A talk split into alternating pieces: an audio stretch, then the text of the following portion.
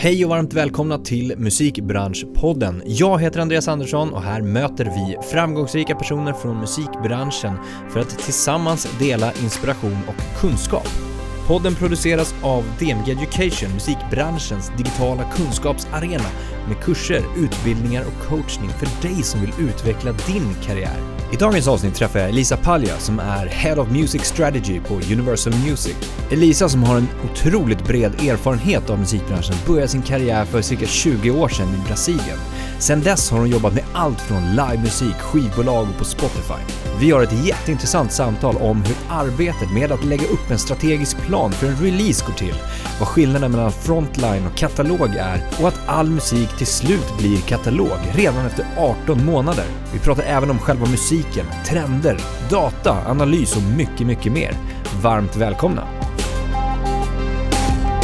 Elisa Palja, välkommen Ja. till Musikbranschpodden. Tack så mycket. Vad kul att vara här. Ja, det är jättekul att ha dig här, äntligen. Ja, vi har ju verkligen. försökt att få till eh, några datum. Ja, vi båda vabbade i omgångar och Det var vabbning, det var corona, du Ja. bröt benet eller vad det var? jag bröt foten. Bröt foten var Ja. det, ja, just det.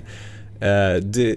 Tuff start på 2022 som du nämnde. Ja, det var intressant, liksom utmanande. Ja, Men eh, nu känns det ljusare på den privata kanske perspektiv, liksom med att foten är bättre och alla är friska hemma. Ja. Men mörk tid liksom för, för övrigt mm. känns det som.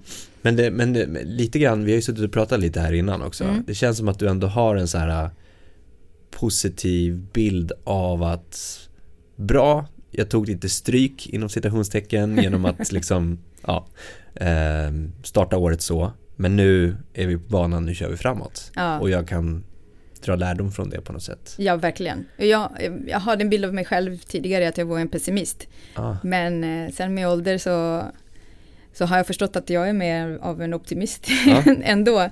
Så jag ser, jag gillar att se att liksom att se lösningar och se liksom framåt och att, att det blir bättre och att vi kan optimera saker och ah, se fram emot liksom allt som, som kommer att hända. ah. Även om det kan vara tufft ibland. Ja men det är lite grann den bilden jag har fått nu när vi har suttit och pratat. Ja, Att vad du, du har den optimism, alltså så här, möjligheten att både när det gäller i ditt arbete till exempel att hitta strategier för hur ni ska Mm. lansera vissa artister kanske och, och sådana saker men också liksom ditt driv i att vilja lära dig mer själv eller nyfikenhet eller vi har pratat om universum, vi har pratat om alla möjliga olika saker. Sjukt spännande by the way. Ehm, men eh, det här ska bli jättekul. Ja, Vi ska prata om massa saker, musik, strategi, eh, din roll idag, vad du gör. Du är ju Head of Music Strategy på Universal Music. riktigt flummigt Ja, Mm. att och vi, höra det. vi börjar ju där. Ja, vi kan börja där. Vad betyder det? När man hör Head of Music Strategy så det betyder det egentligen inte så mycket liksom, framförallt om man inte om man pluggar här liksom, och inte vet exakt vad det är. Men min avdelning är ju den gamla kommersiella avdelningen. Eh, så I skivbolagsvärlden så har den kallades för digital avdelning, kommersiell avdelning. Liksom. Mm. Med att liksom arbetsuppgifterna ut, utvecklas, utvecklas också liksom hur man ka- kallar liksom själva arbetsuppgifter. Koppling, alltså hela, helheten av alla arbetsuppgifterna. Mm. Så när jag kom in eh, så håller Univers- Universal på att förändra ganska mycket saker i strukturen där. Och vi såg ett behov att, att, liksom att förändra namnet för avdelningen också med att vi jobbar på ett annat sätt än tidigare. Men eh, vi är ansvariga då för eh, distribution och kontakter med partners eh, som är en ganska klassisk account management eh, position. Mm. Eh, så vi har kontakt med radio, alla DSPs och jobbar nära dem med att se till då att all musik som vi släpper kommer ut på strategisk och effektiv sätt och att, liksom att alla DSPs är informerad eh, och hitta de där möjligheterna för oss att samarbeta tillsammans och se vilka verktyg de har, vilka verktyg vi har och liksom gifta alla, eh, alla möjligheter och alla mål också Mm, som man mm. har för det bästa för artisten och, och musiken. Liksom. Eh, så att, som vi pratade tidigare också, liksom, se till att den visionen artister har det i, i studio, Eh, när artisten liksom sjöng en låt och blundade och såg framför sig att det skulle stå på scenen och vilka som skulle stå där och titta på, på hen. Eh, att vi vet vilka de var liksom då och ha en idé där också och ta den visionen och hjälper eh, DSBs radio att hitta de människor och att de människor ska få kontakt med, med musiken då. Mm. Eh, så vi är på något sätt de som eh, översätter eh, visionen till distributörerna och publiken. Mm. Så det är liksom, vi är en del av en, en stor grupp då, från A&R till projektledarna, designers, marketing och alla liksom, och sen till DSBs. Så det finns, vi, vi är med i hela processen för att kunna samla all information, eh, alla känslor och allting liksom, och kunna paketera det på, på det bästa sätt och, liksom, och leverera till eh, distributörerna och, eh, och publiken. Just det. Så vi är ansvariga för kontakten med DSBs, med radio. Eh, vi har vår playlistavdelning så vi jobbar med våra egna spellistor också eh, som finns på DSBs. Och eh, katalogaktiveringar också. Mm. Så katalog är en del av vår avdelning och tanken där är ju då att vi tar allt som är katalog och aktivera och se till att det som bubblar organisk får en skjuts.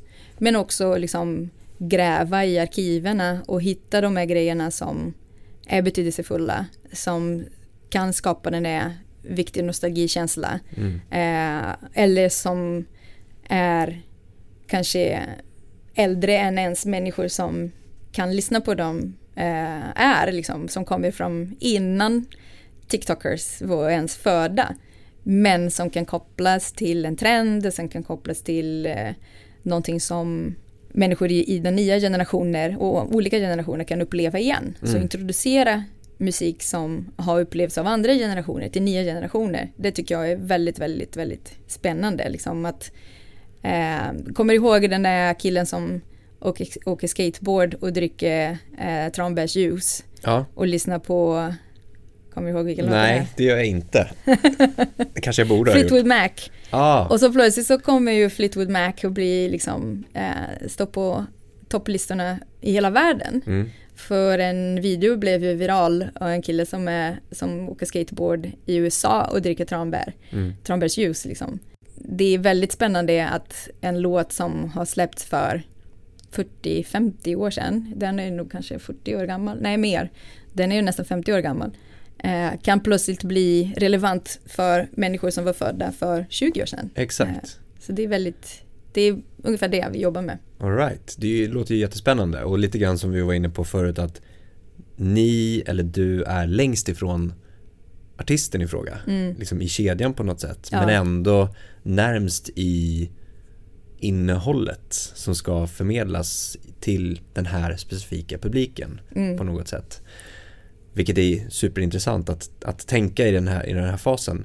Men, men det här, är det skillnad att lägga upp en strategi för nysläppt musik som släpps här och nu då och mm. för katalog? För att liksom, även om det ska få ett uppsving, att man, om, om ni gräver i arkiven och så hittar mm. ni det här och känner att ja, men det här ska vi göra någonting med. Ha, har ni olika tillvägagångssätt hur ni lägger upp en strategi för det för ni ska båda. uppnå så att säga? Ja, jag, jag känner att det ska vara flexibelt där. Mm. Eh, och inte på något sätt att det är ad hoc, liksom, att varje, varje sak är på, eh, hanteras på ett sätt. Det är det inte. Men jag, jag tänker liksom att strategin är ju ändå att skapa eh, en paketering mm. eh, och en användarupplevelse. Um, så det är viktigt att lyssnaren kan uppleva musik eh, och då ser vi till att hitta den musik som folk tycker är relevant och som vill uppleva. Eh, när det gäller front, frontline så finns det såklart mycket interna processer som kommer in då liksom med leverans, eh, sätta marknadsplan för, för ett, ett, album eller en låt eller vad kan det vara, en EP.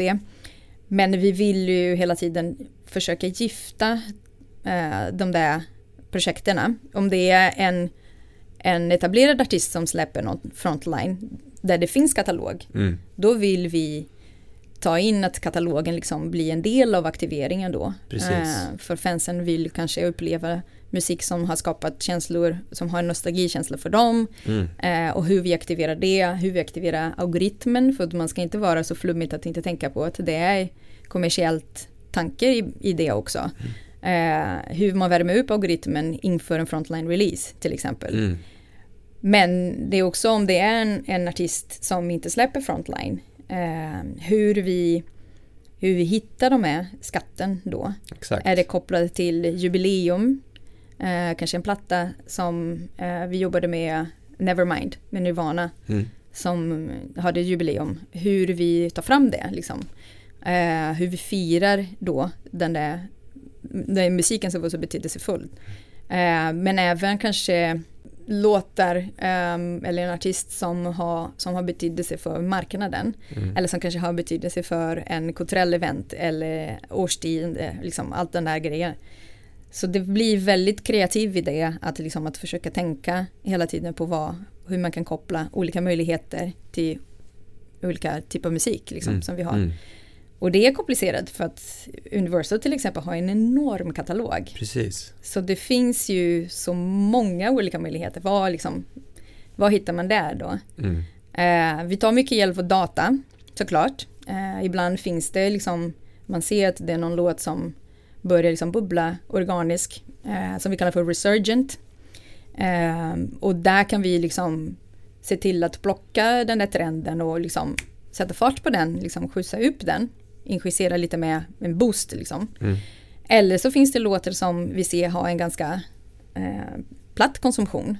Men vi tycker att det finns ändå en, eh, en koppling till något annat. Det kan vara en trend på TikTok till exempel. Mm. Det kan vara eh, jul. Mm. Mm, Jul är återkommande. Mm. Och det finns ju låtar som presterar ganska lik varje, varje år. Hur tar man då den låt som presterar ganska lik varje år till en ny nivå? Mm. Hur ökar man benchmarken för den? Eh, och hittar de här kreativa sätt att, att göra det. Mm. Så det, det är det som är också viktigt att katalog sitter nära eh, account management och, och allt som kommer in i frontline. Vi pratar om Veronica Maggio till exempel. Mm, precis. Och Satan i gatan firande inför hennes frontline release. Mm. Eh, det är ju, var ju alla stjärnor stod i rad liksom för, för det. Så det är lite olika. Jag, vet inte om jag har svarat på frågan men att, Absolut. Vi kan ju bara ehm, förtydliga det också att Frontline är ju då ja det är bra. musik som släpps Nu. nytt kan man ju säga Ja. nu. Eh, som inte är släppt sedan tidigare och katalog är ju sedan tidigare och katalog är ju då 18 månader 18 och månader. äldre. Ja. Alltså 18 månader, ett och ett halvt år. Ett och ett halvt år. Så vi pratade Efter ett och ett halvt år. pre-corona eller pre-pandemi. Ja, Allt innan pandemin är katalog, eller klassas som katalog. och det där är en konstig känsla liksom. Det kan Med- vara väldigt konstigt för många att uppleva då att som du sa, Blinding Lights Ja, en är katalog. katalog. Ja. Det är inte Och all musik blir katalog. exakt. Så egentligen är ju Frontline en, en tillfälligt eh, etikett på musik. ja. All musik kommer bli katalog. Eh, och då är ju frontline-arbete skulle man kanske kunna se som att man maxar potential för en låt innan det blir katalog. mm. För att, så att den blir en bra kataloglåt. Ah, om man vänder det. på det. Liksom. Eh, det är klart att liksom frontline är viktigt, skapa hits liksom, och sommarhits och vilka är den största. Liksom, för att artisten drivs av liksom, allt som är framåt. Mm. Eh, turné, kommande turné, kommande platta, eh, gå in i studio igen, man har en idé, man har eh, Donda 1, Donda 2 liksom, och liksom. Men det kommer ju hamna på katalog. Mm. Eh, och katalog är också där, om man, om man pratar om man vänder upplevelser då, alla människor har det musikkonsumtion som är antingen liksom i lean forward, att man liksom vill hitta musik, att man eh, vill ha, är i en discovery mode, att man vill se vad är den nya grejen. Ja, Många gillar att vara den som hittar den nya låt och skickar till sina kompisar. Så, Precis. kolla den här artist, kolla den här låt. Det är ju en fantastisk liksom, grej. Men man kan inte vara det hela tiden för det är obekvämt att lyssna på nya låtar hela tiden.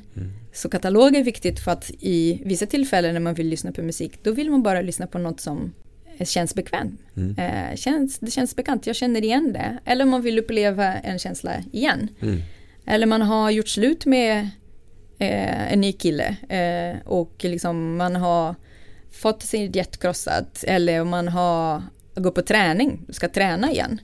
Då vill jag lyssna på de låtarna som ger mig energi. Mm. Och det kanske inte är en ny låt. Nej.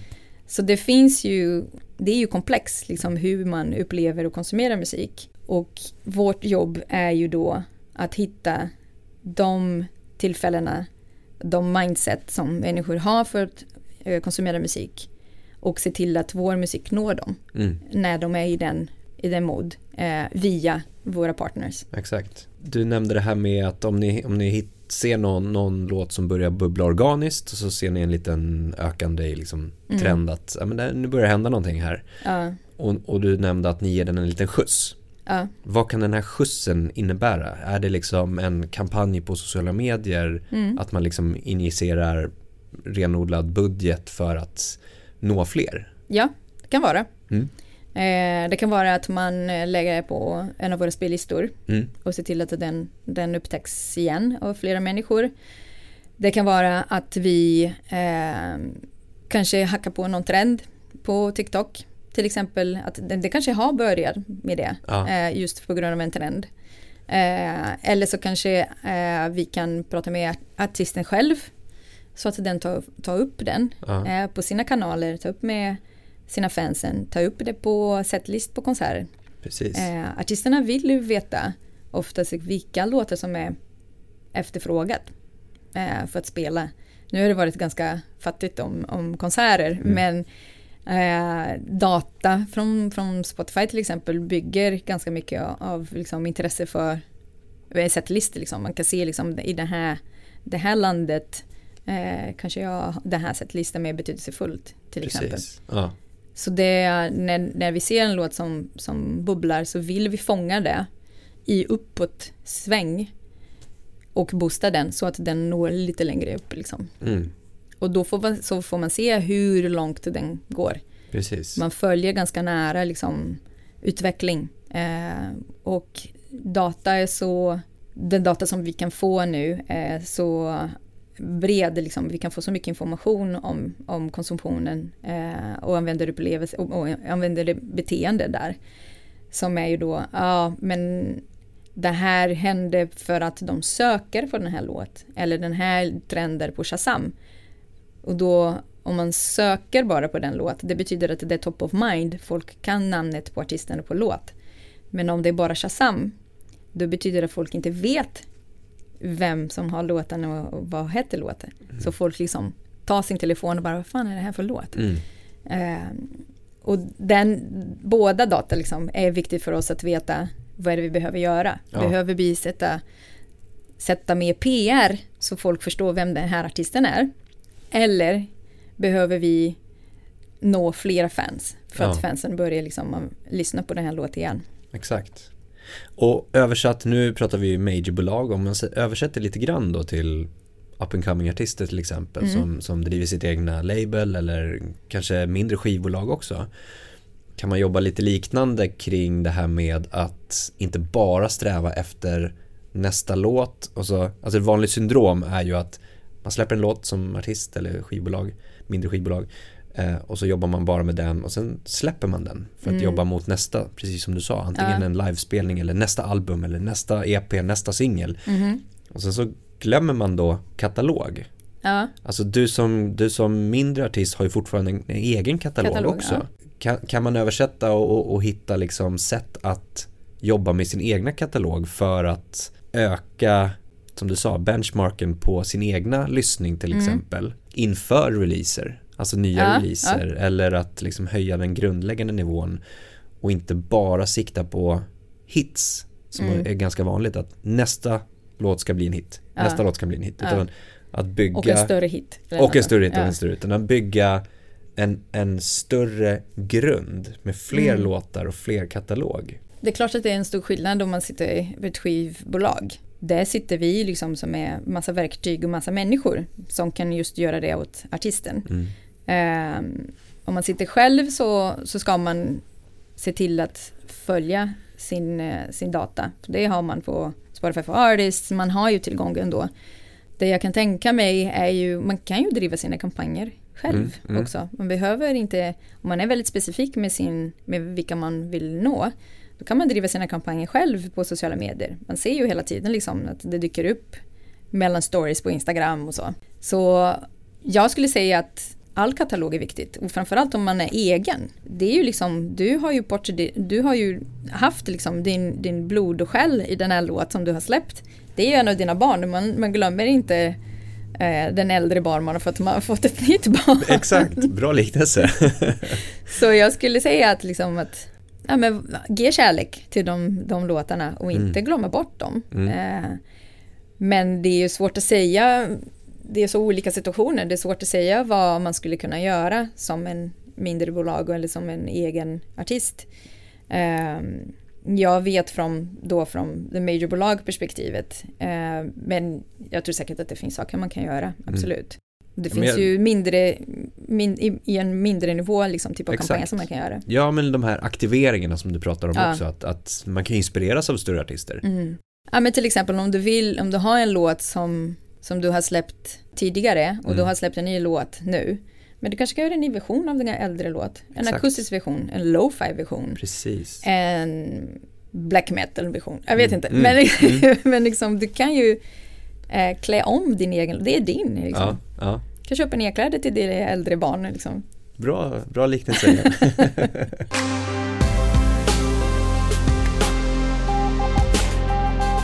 Ni jobbar ju som du nämnde lite grann med så playlist-strategier. Mm. Eh, hur väljer man playlists? Hur, hur skapar man det? Hur, hur, hur eh, liksom riktar du ut att den här ska läggas där och den där och den där? Låtarna på våra spellistor? Ja, exakt, ja. exakt. Så vi bygger ju spellistor jag jobbade på Spotify i fyra år och där bygger man spellistor för olika tillfällen man lyssnar på, mm. på musik. Uh, jag hade när jag lämnade Spotify kanske 300 listor Eh, och de var ju olika allihopa. Så vi bygger en hypotes då om vad, vad är den eh, spellista för. Vi har en lista som är väldigt populär som heter Städa med pepplåtar. Mm. Eh, som är ju då så låtar som är anpassade när du ska göra något man kanske inte gillar att, eh, att städa och dammsuga mm. och, och liksom skrubba toaletten. Men vi samlar då låtar som kommer få dig att ha en bättre upplevelse när du måste göra det. Eh, sen finns det ju då, om du ska sova, då ska du inte lyssna på samma typ av låtar. Mm. Då ska du lyssna på, och, och, samma sak om du kör bil, så ska du inte ha en sleeplista på. Exakt. Så vi bygger listor för olika tillfällen. Mm. Och i de listorna då, eh, högt tempo, om du har en låt som är låg tempo, den ska inte in i listan som är pepplåtar. Den är inte så peppig.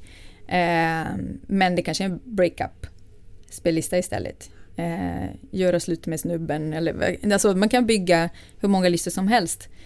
Men det är viktigt då att tänka vad är ju då folk konsumerar musik? Vilka tillfällen man konsumerar musik? Mm. Vilka, hur samlar man eh, låtar runt en hypotes? Och det kan vara genrebaserad, det kan vara modeaktivitet baserad, Eh, det kan vara geografiskt baserad. Mm. Eh, det kan vara så att här är alla låtar från Skåne. Mm.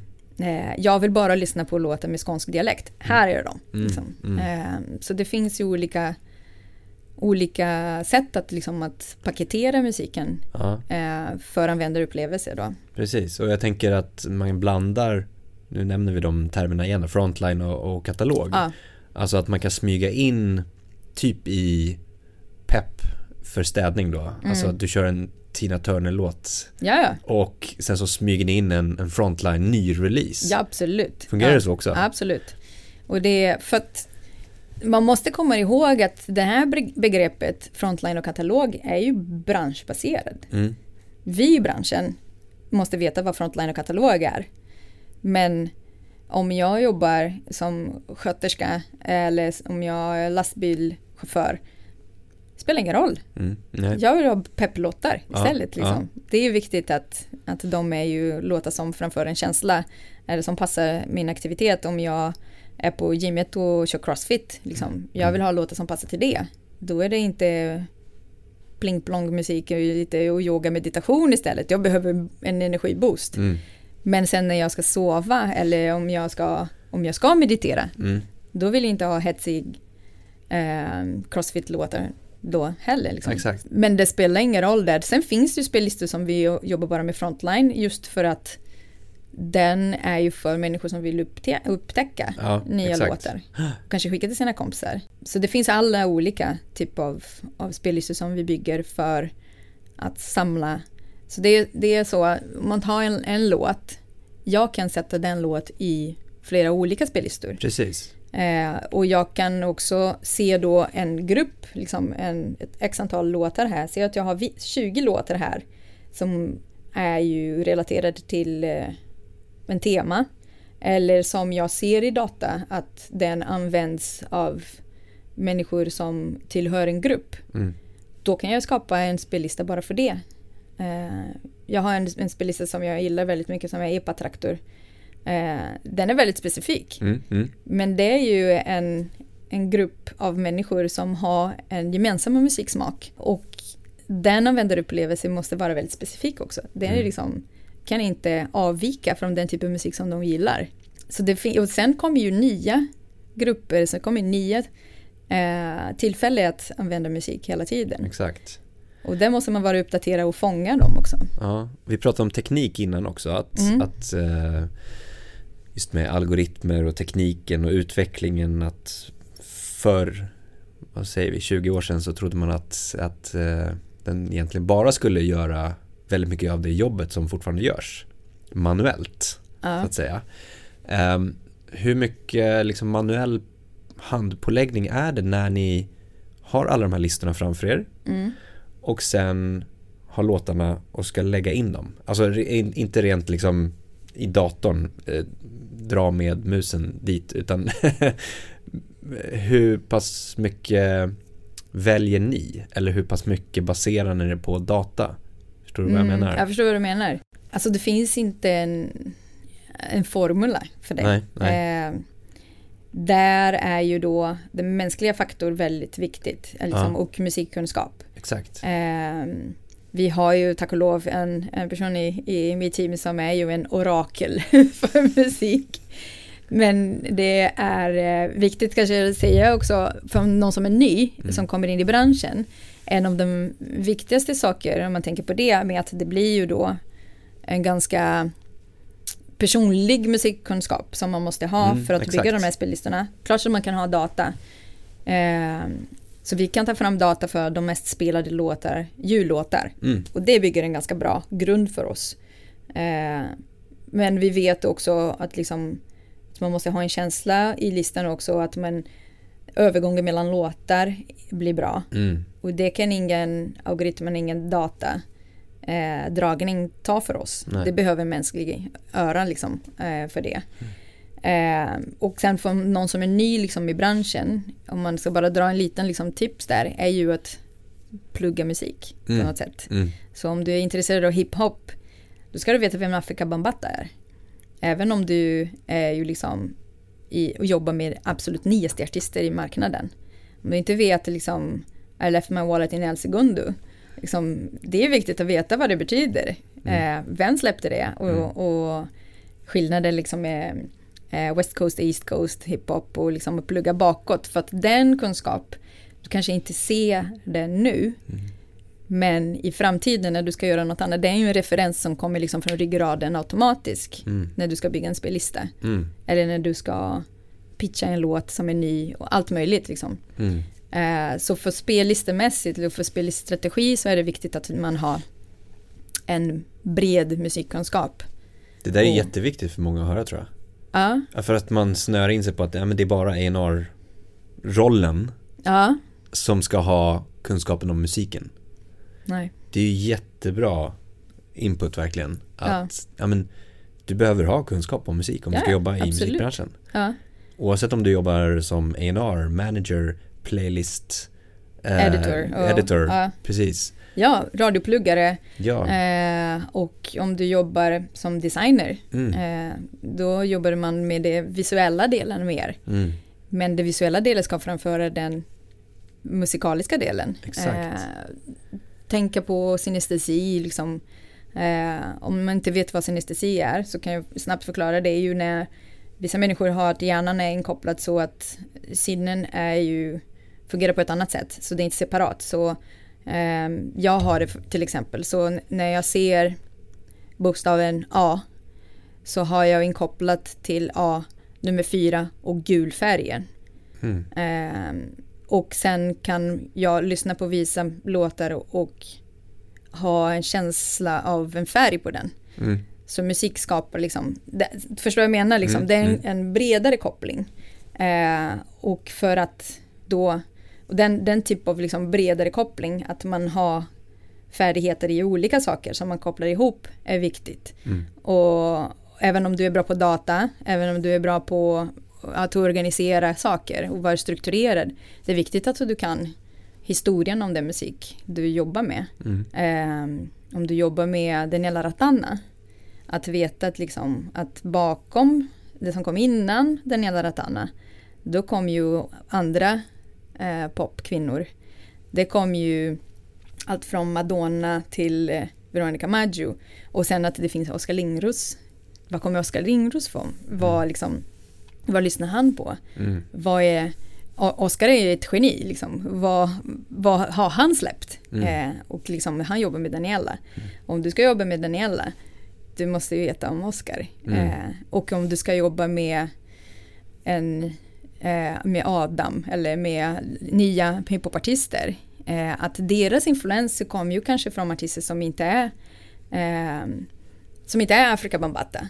Ben Afrika Bambata har ju då inspirerat en artist som har inspirerat den andra, den andra, den andra som kommer ut till den nya artisten som mm. designer. Mm. Så den artist är ju då resultat av all den här musikhistoria som är bakom. Mm. Eh, och all popkultur som kommer med det. Jag älskar den här filmen, eh, vad heter den? Eh, Beatles filmen, där det är en kille som, det finns en blackout i världen och han vaknar, han är den enda som kommer ihåg Beatles. Ja, just det. Vad heter den? Yesterday, kanske hette. Det skulle, det och, låter väldigt rimligt att det skulle Ja, han ska liksom köpa, köpa mat och det finns inte Coca-Cola och han bara nej. Men att, liksom, att Coca-Cola inte, skulle, inte har det liksom, eh, existerat, existerat mm. utan Beatles. Liksom. Ja, ja. Så det är alla, vi alla är liksom resultat av liksom, all intryck som har funnits sedan vi var födda. Mm. Eh, och musik är ju en konsekvens av det också, mm. såklart. Det här är ju superviktigt för många att höra tror jag. Ja. För att man snöar in sig på bara en specifik, väldigt, väldigt smal inriktad väg att gå. Om man vill jobba med musik. Och vi pratade om det lite innan, att ha ett, ett, ett brett perspektiv mm. för att ta in och alltså omvärldsanalysera. Mm. Om man tittar på, det här är ju en del i liksom den, den omvärldsanalysen kan man nästan säga. Mm. Eh, det går ju att titta på rent alltså tidsmässig omvärldsanalys och titta på vart befinner sig samhället och världen här och nu. Mm. Och sen så som vi pratade om att man kan smalna av och titta på hur påverkar det musikaliska trender? Hur påverkar det marknader? Hur ser de specifika marknaderna ut? Och sen hur påverkar det Alltså ännu mindre, mindre, mindre, mindre. Mitt jobb och sen min dagliga jobb. Och, Exakt. Ja. Och, och förstå sig på att du behöver ha helhetsperspektivet, den breda bilden. Mm.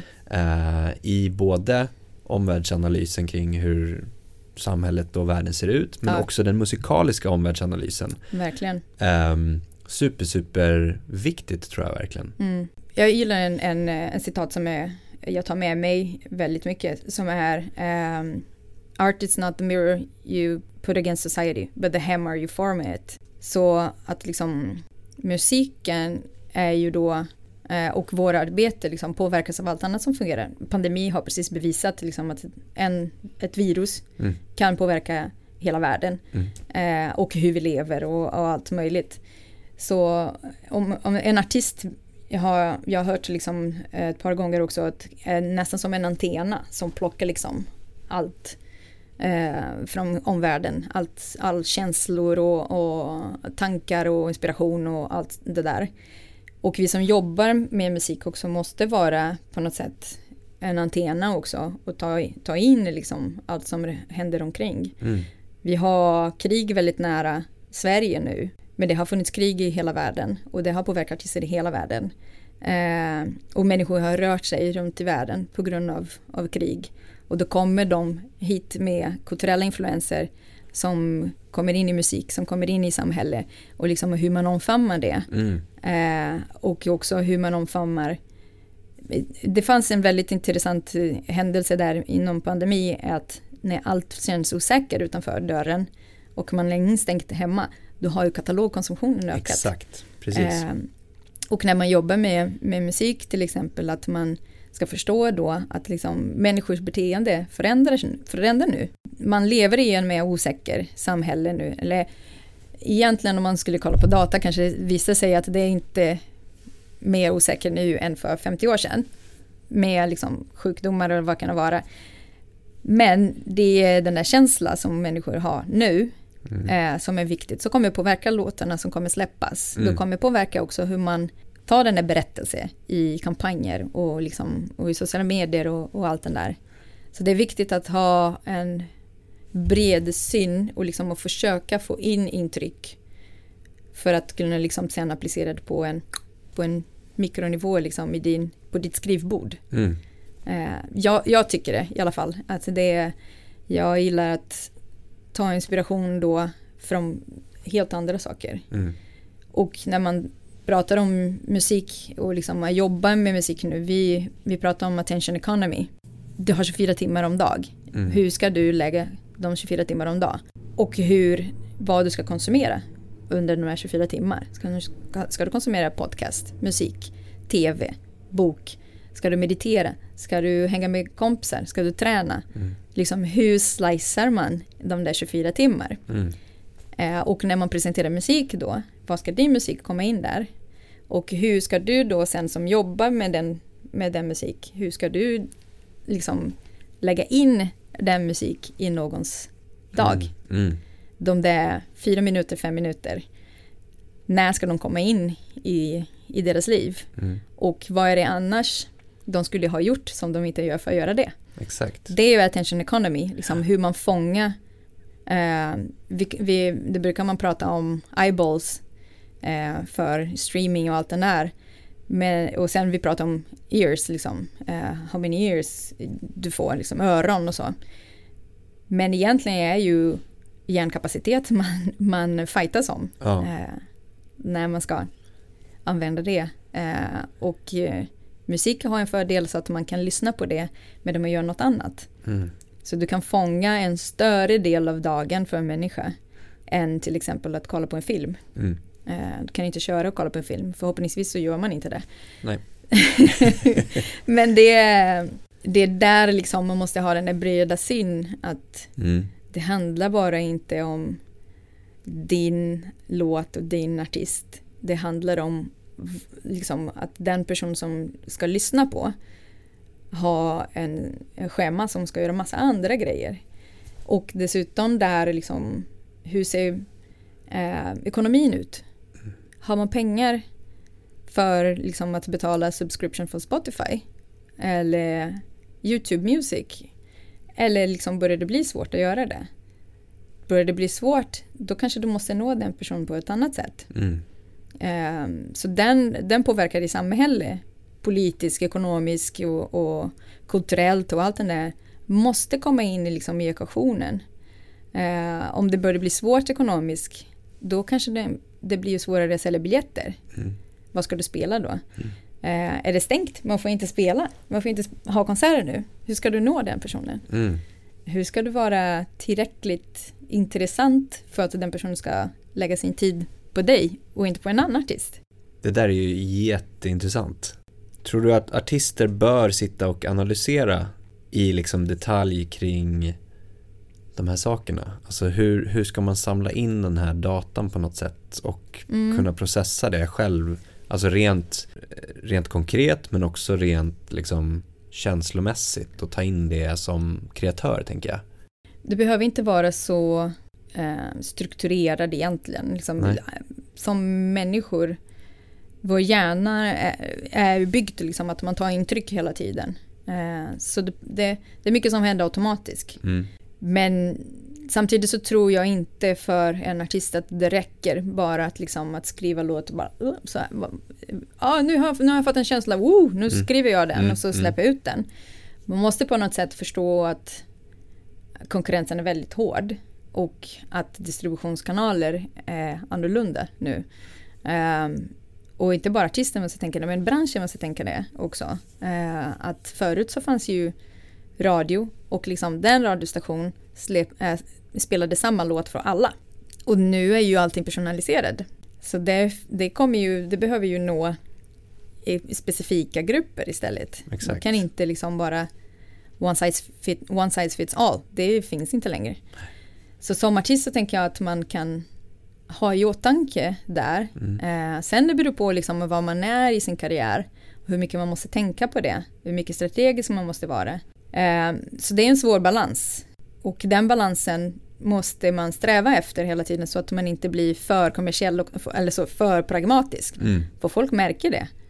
Om du gör en låt bara för att passa in ja, i ett specifikt sammanhang. Exakt. Eller, ja. Alltså man säger, ja men nu ska låten vara på det här och det här och det här sätt. Ja, precis. Folk märker det och blir mm. ointresserade. För att de är ju också väldigt bortskämda på det sättet att det finns så mycket mm. alltså, som man kan uppleva. Mm. Så det är viktigt att fortfarande vara i kontakt med, sina, med sin själ, liksom, med sin inre och liksom framföra känslor och, och vad, det, vad, man liksom vill göra med sin musik. Mm. Men det skadar inte att vara medveten att vad är spelet liksom. Exakt. Och hur man spelar det. Jag tänker vi ska gå in lite grann på, eh, du kom in på det förut, lite din tidigare roll. Eh, mm. Eller du har gjort andra saker också. Men du har till exempel jobbat på Spotify mm. eh, under några år.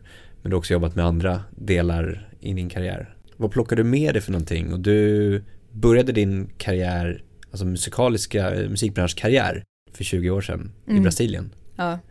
Så du började där någonstans och sen alla jobbat, möjliga olika saker. Ja, jag har jobbat skitmycket.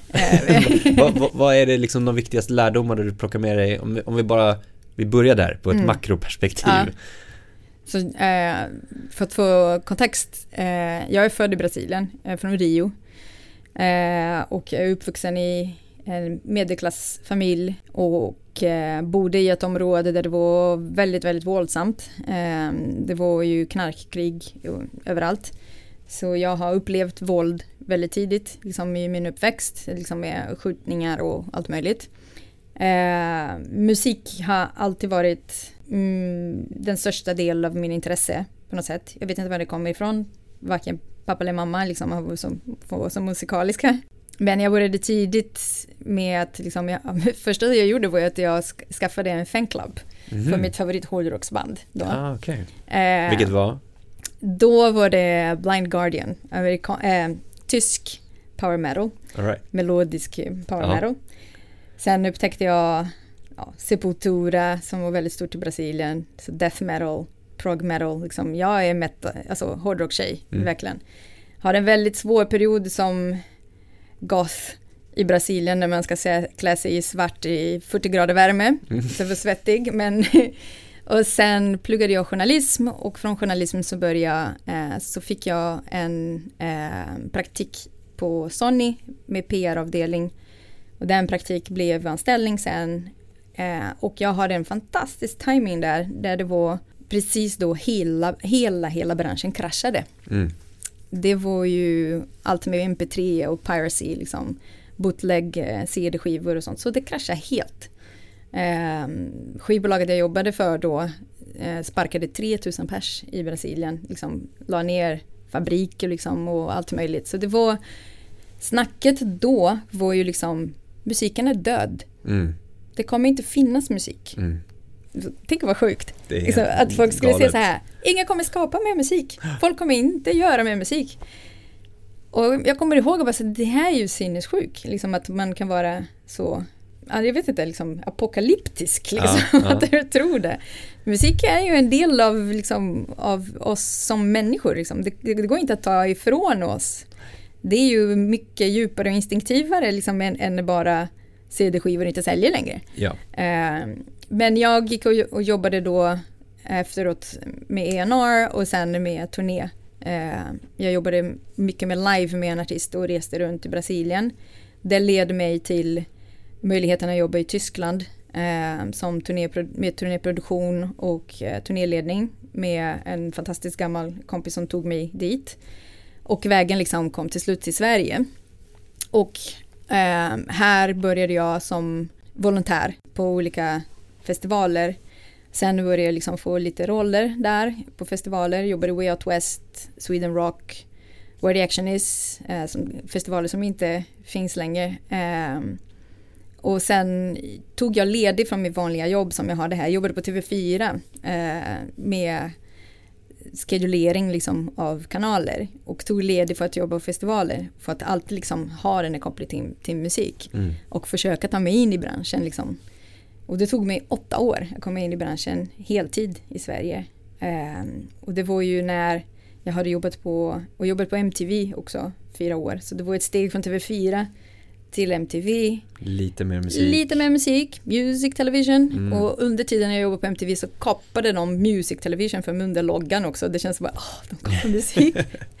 Men det leder liksom, en sak leder till den andra. Och så kom jag in sen på Sony som account manager och från Sony till Spotify. Så när man tittar tillbaka, liksom, all, hela resan, liksom, allting läggs på. Mm. Det är ingenting som tar ifrån den andra erfarenhet. Exakt. Och det är viktigt att veta för någon som kommer in i branschen nu att liksom, du kanske inte är där du vill vara.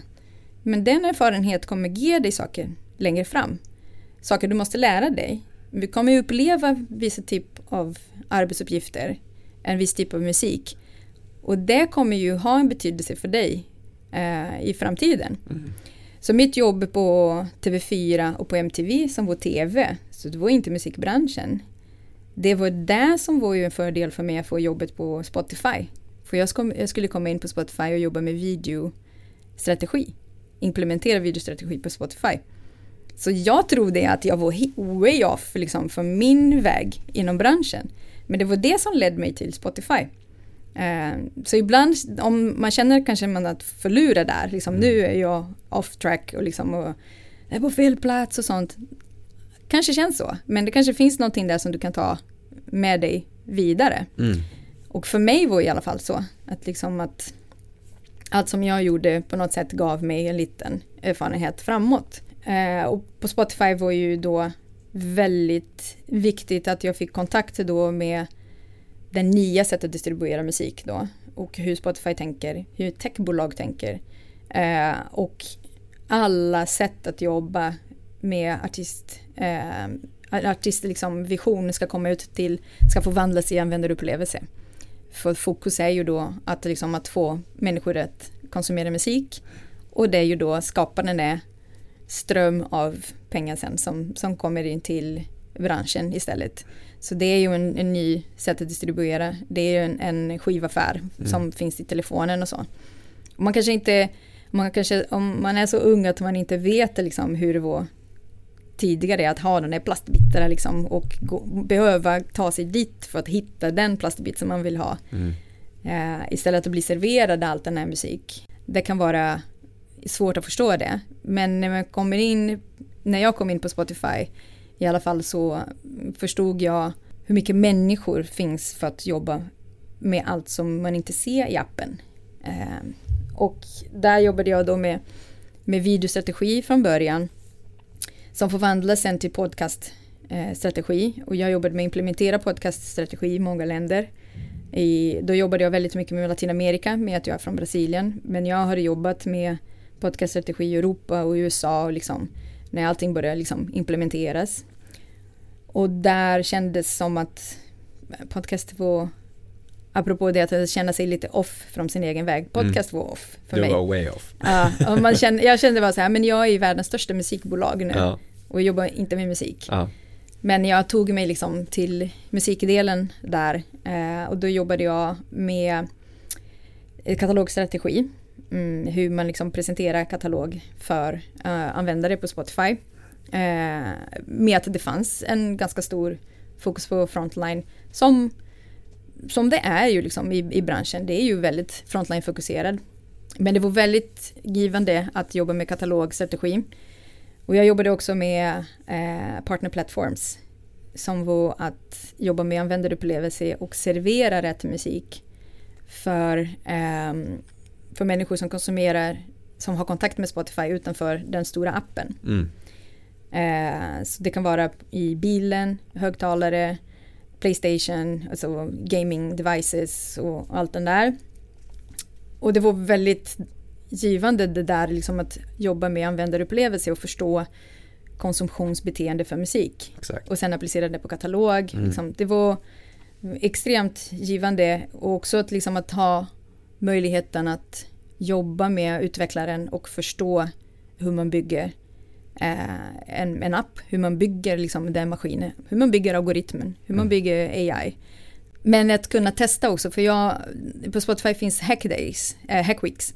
Så då kan, då kan man samla, eh, träffa och samla några utvecklare och utveckla en idé från grunden. Mm. Något som är helt ny. Liksom. Och jag hade ett projekt som, var, som jag tyckte var väldigt kul, just baserat på det liksom, och försöka hitta ett nytt sätt att folk interagerar med musik. Och jag drivs mycket av det. Liksom. Vad är nästa grej för branschen? Mm. Jag upplevde när den kraschade. Så för mig är det viktigt att, liksom, att den är disruptive. Liksom. Vad är nästa grej? För det kommer. Det Mm. kommer ju komma nya grejer hela tiden. Vi måste anpassa oss till de nya grejer. Och se det som möjligheter och inte som hinder. Eh, så för mig var intressant tid på Spotify att kunna liksom experimentera och lära mig mycket av de där nya sätt att, liksom, att presentera musik. Mm. Eh, vilket också drev mig till Universal. För att liksom ta den kunskap och kommer in på Universal och jobba på ett nytt sätt liksom med, med just liksom partner relation, med radio och allt den där. Kontentan blir ju som du sa, att det läggs på på något sätt också. Ja. Alltså att man förstår att det inte tas bort utan att den här kunskapsryggsäcken eller erfarenhetsryggsäcken du Mm. liksom lägger i, du fortsätter bära med den och så i nästa roll så kan du ju plocka upp så här, ja men tack vare Det det jag lärde mig här och här, då kan jag det här Ja. och det behöver jag nu. Mm. Alltså att man ständigt på något sätt bygger sin kunskapsbas, bygger sin liksom kompetensbas på något sätt och erfarenheter, Mm. lärdomar. För från idag och framåt så vet du ju ingenting egentligen. Nej. Alltså du har ingen aning. Du kan sätta mål, du kan sikta och du kan liksom Mm. hoppas. Men någonstans så kommer du troligtvis använda dig av de här Mm. kunskaperna framåt också då och kunna Och även liksom de negativa upp dem. upplevelser. Exakt, För exakt. de lär dig också, så här ska jag inte göra. Ja, Och då ska jag göra på något annat sätt. Eh, Precis. Så det att tänka på när du känner dig frustrerad att fan jag inte är där jag vill vara. mm. Ja men du är närmare, liksom, du är en dag närmare. Det, det, det låter lite som sånt där motivational bla, bla bla bla men det är ju det där att även om du inte ser vad som du lär dig nu, du Mm. tar med dig. Mm. That's it. Liksom. Mm. Du behöver inte vara fullständigt medveten om allt som du tar med dig hela tiden.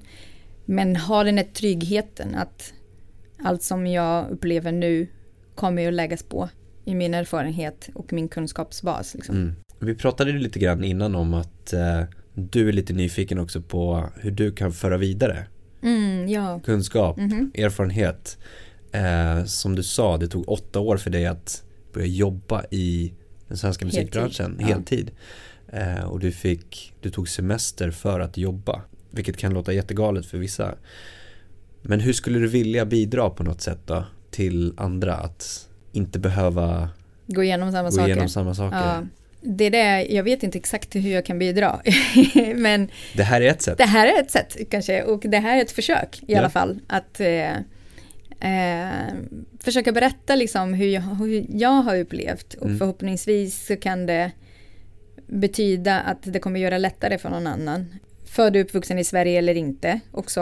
Eh, för att man kan uppleva eh, olika hinder. Eh, alla kommer uppleva hinder helt enkelt. Men att man liksom ändå, hur kan jag göra, hur kan jag hjälpa så att det blir förenklat liksom. Mm. Eller så man kan eh, ta sig vidare snabbare kanske.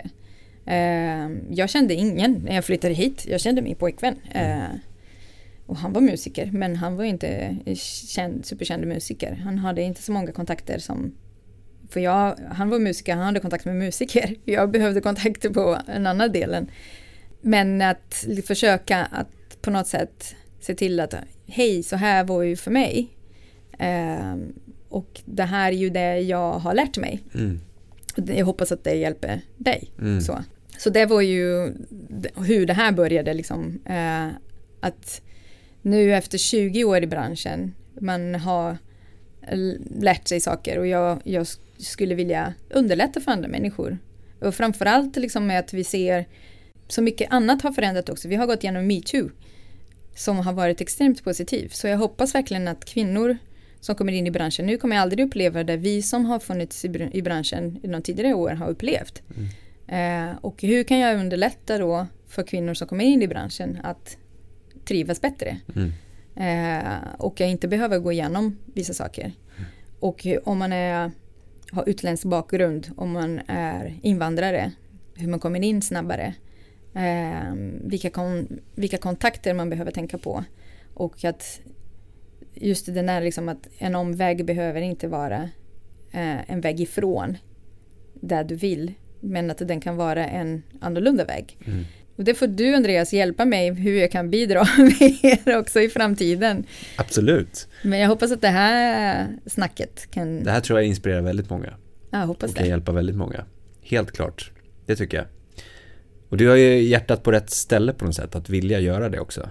Okej, okay, men vad bra. Ja, ja, men att, hoppas jag. att vilja bidra med kunskap. ja. Alltså det tycker jag är, det är väl det bästa man kan göra egentligen. Mm.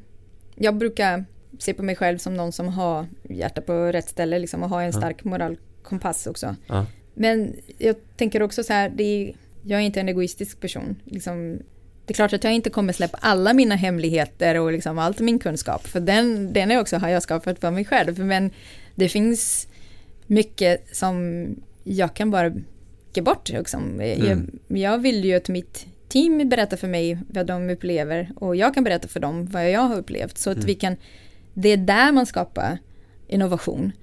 När, man, när folk bidrar tillsammans till, till nya saker. Mm. Innovation kommer inte, kommer väldigt, väldigt sällan från någon som bara, hej, jag har en idé, boom, mm. det här. Även om du har en idé, för att genomföra det, så kommer du kanske behöva hjälp av andra. Mm. Och din idé är kanske super, super bra, men det kan alltid bli bättre. Mm. Om du har andra människor som bidrar. Så om man är ju nu liksom i den stadiet som man pluggar också. Man kanske inte behöver se att liksom, jag behöver hitta den personen, den här stakeholder som sitter i det här bolaget. Du kanske behöver din kollega i klassrummet som har en annan bakgrund och som har pluggat något annat innan. Som har en kunskap som är snickare. och kan Exakt. hjälpa dig att bygga en studio. Jag vet inte, ja. men eh, att se liksom de möjligheterna också. Ja. Jag, jag hoppas att det liksom där jag är nu kan också bidra till att folk inte behöver börja här nere. Mm. Att man kan börja från den plattformen som är redan byggt nu från, i, i branschen. Liksom. Så att om jag berättar om min erfarenhet då börjar du från den plattformen som mm. är högre än, än där du är. Som mm. du hoppar upp liksom. Exakt. Ett steg och den, den skjutsar fram dig till någon annanstans. Mm. Det är mycket vad vi vill göra också. Alltså på DMG. Mm. Alltså att, att på något sätt det låter dumt att säga effektivisera men det är ju ett sätt att göra det. Ja. Att faktiskt hjälpa till att, eh, att ta stora steg. Mm. Eh, alltså att vi kan hjälpa dig att lyfta dig till en, en liksom plattform på något Mm. sätt. En nivå som du kanske hade behövt ta massa mindre steg Små till steg. att ta. Ja. Eller för att komma till då. Ehm, så det är väl lite samma tänk där. Och det var ju väldigt intressant när du sa också att, liksom att, att ni är väldigt måna om att uppdatera Mm. när branschen förändras, att ni uppdaterar kursen också. Mm. Jag tycker det där är ju verkligen, verkligen viktigt. Att man liksom inte sitter och tittar på saker på samma sätt som tidigare. Men Exakt. att man kan hela tiden liksom uppdatera och, och se till att man har den senaste versionen. Mm. Eh, Det är som en mjukvaruuppdatering. Ja men exakt, det, det är som med allt sådär och, och det är oftast läskigt. Mm. Alltså att, att, att uppdatera någonting som man alltid har gjort, att sätta sig i liksom passagerarsätet och känna men nu rullar det på, Ja, nu oavsett vad man gör för någonting. ja, Att så här har vi alltid gjort, Mm. lite grann som du, vi pratade om innan också, så här, så här har vi alltid gjort och ifrågasätta varför har vi alltid gjort det.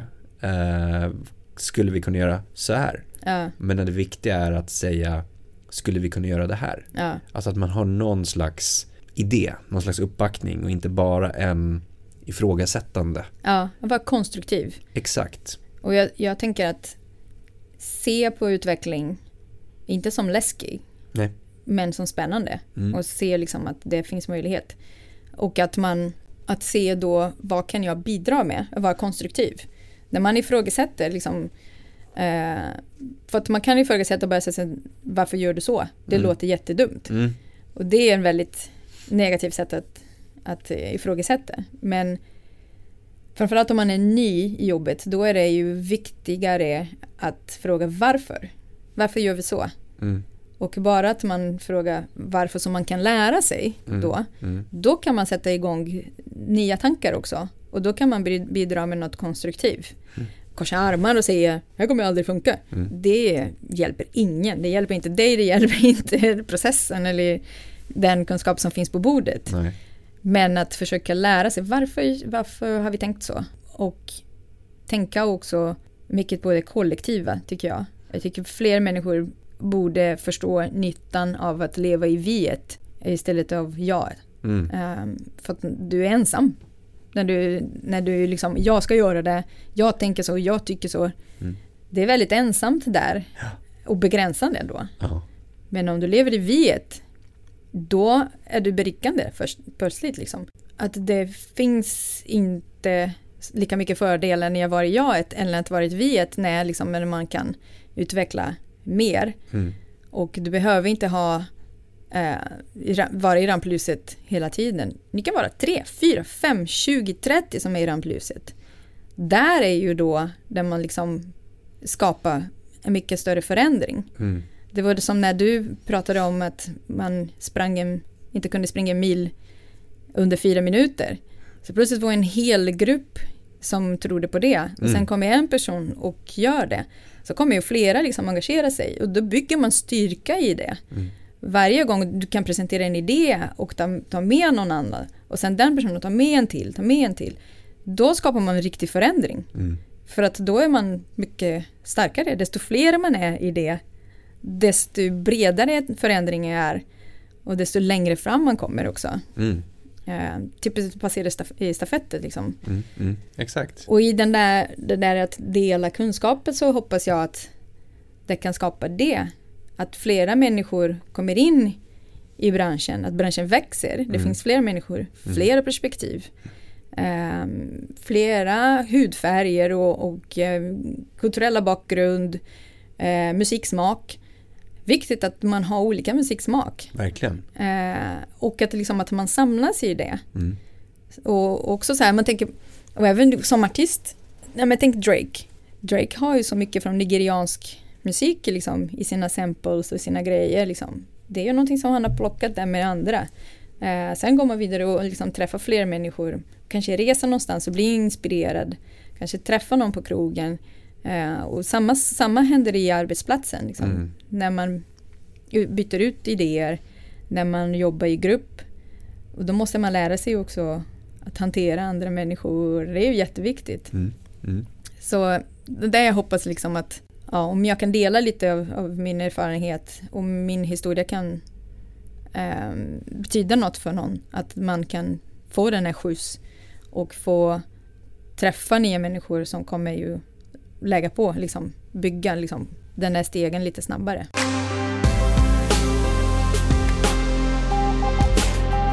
Jag tänker att vi ska binda ihop lite grann. Ja, Och vi har pratat mycket musik, hur det har varit idag.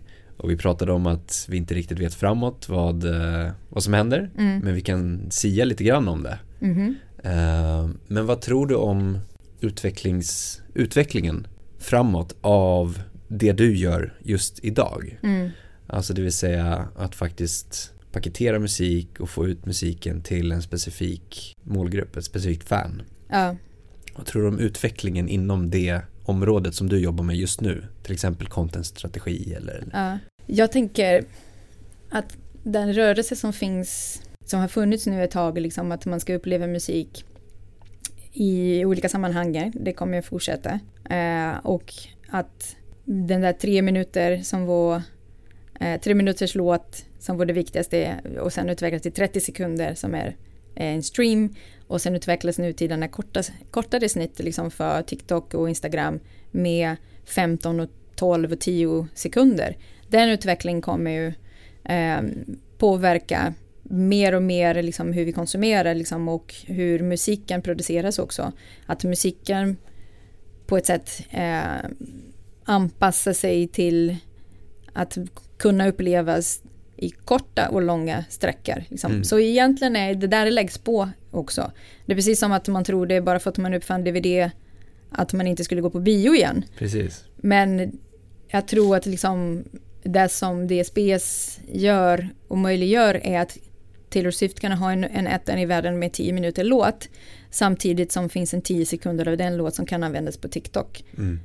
Um, och utvecklingen där är ju då att nya sätt att konsumera, liksom, nya sätt att musik kommer befinna sig. Du kommer hitta och konsumera musik i ännu fler delar av ditt liv än man ser nu. Produktutveckling kommer ju säkert alltid finnas. Teknologi liksom kommer utvecklas så att man kan konsumera musik med en ny gadget och liksom nya saker som kommer in. Men jag tror att den största förändring som kommer ske i branschen nu är ju att businessmässigt kommer förändras mer. Vad man lägger musik för disciplin, vad man licensierar musik för, för att upplevas. Uh, och där är ju då majorbolag och det, det jag försöker göra på, på jobbet också är ju liksom att hitta de där nya grejer och, och liksom paketera musik, titta liksom på allt vi har mm. och plocka dem musik, hur säger man, men lindra dem på olika sätt liksom, för att den ska passa de olika människor eh, behov mm. Mm. Eh, i konsumtion. Sen tror jag också att vilken typ av musik man lyssnar på eh, och hur vi ser på data kommer förändras.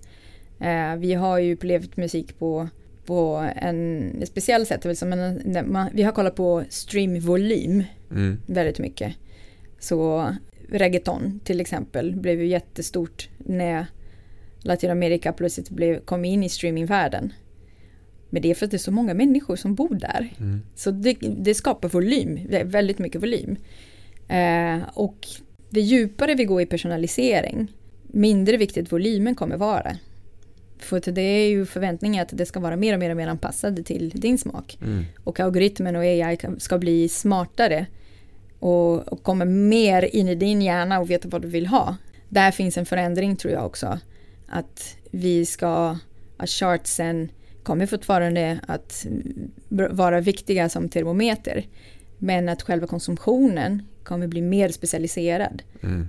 Eh, så volymen kommer ju att desto mer vi personaliserar desto mindre blir volymen. Mm. Men desto viktigare blir ju då att musiken är spot on, att den är anpassad till tillfälle och liksom till behovet. Det är ju grunden av kapitalismen. Mm. Att, liksom, att konsumtionsbehov skapar då den eh, produkten eh, också. Och, och, det är klart att kapitalismen har ju då att vi, vi skapar produkten och sen liksom pushar vi för konsumtionen. Men nu är ju personalisering i alla olika eh, typer av, av branscher är ju det konsumtionsbehovet som driver mycket av produkten. Mm. Och framförallt för musik för att mycket kommer ju då liksom, vad vill folk lyssna? En artist väldigt sällan gör musik bara för att han ska lyssna. Han vill ju dela det. Det är ju väldigt generöst liksom, yrke mm. som att vara musiker.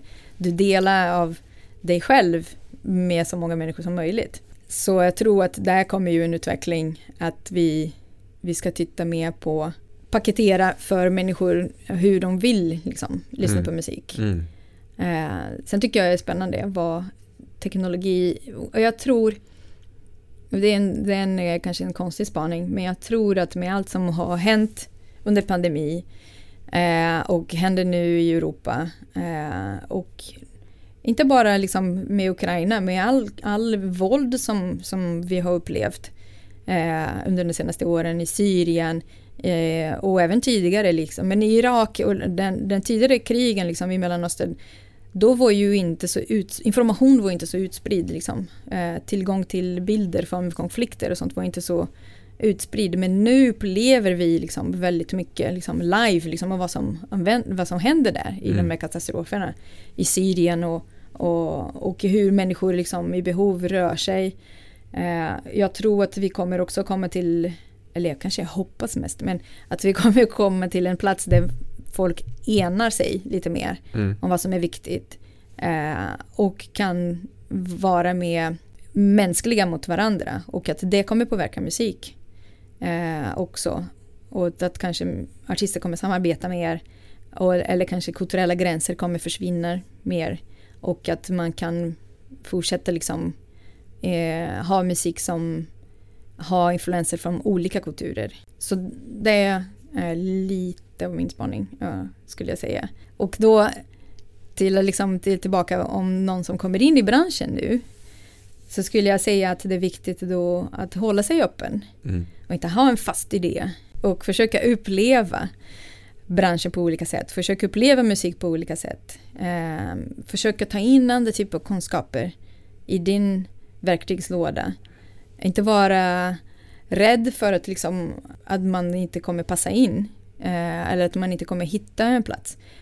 Var nyfiken bara. Mm. Liksom, testa hit och dit och dit och dit. Liksom. Det finns ingen ingen eh, krav så på att du ska bli boss. Så, mm. liksom. Det är viktigt att, att man ser över eh, vad, man, vad man har samlat, vad man har upplevt. Alltså, tänk på upplevelserna. Vad du upplever i branschen. Eh, sen kommer ju vara en konsekvens liksom, att hur du kommer fram och kommer hitta din, din plats i branschen. Eh, det kommer ju hända naturligt tror jag. Bara att man är öppen till att, liksom att uppleva olika saker och få in kunskap, ta in fler människor i dina idéer, då kommer det vara lite mycket lättare tror jag. Härligt, bra spaning och bra tankar. Ja, vad bra. Verkligen. Man vet aldrig. Jo, absolut. Eh, alltså... Det är saker som lever i mitt huvud som kanske upplevs konstigt Vi får se människor. på data efter det här du får poddavsnittet skicka, då. Ja, du får skicka en datarapport för mig och bara säga att det vore Ingen fattar vad du sa, men okej. Okay. Precis. Men du Elisa, eh, tack för ett jätteinspirerande samtal. Ja, men tack själv. Så kul att vara här, så kul att träffa dig i IRL. Detsamma. Och diskutera allt den här. Jättestort tack för att du har lyssnat på podden idag. Det uppskattas verkligen. Kom ihåg att följa, stjärnmarkera, gilla, dela, kommentera för att hjälpa till att sprida kunskapen i musikbranschen. Vi vill också jättegärna höra från dig. Vilka utmaningar står du inför? Vad tycker du är svårt? Vad tycker du är lätt? Vad vill du höra? Vad vill du veta? Vad vill du lära dig? Hör av dig till oss på info at dmgeducation.se. Tack för idag och ha en fortsatt härlig dag.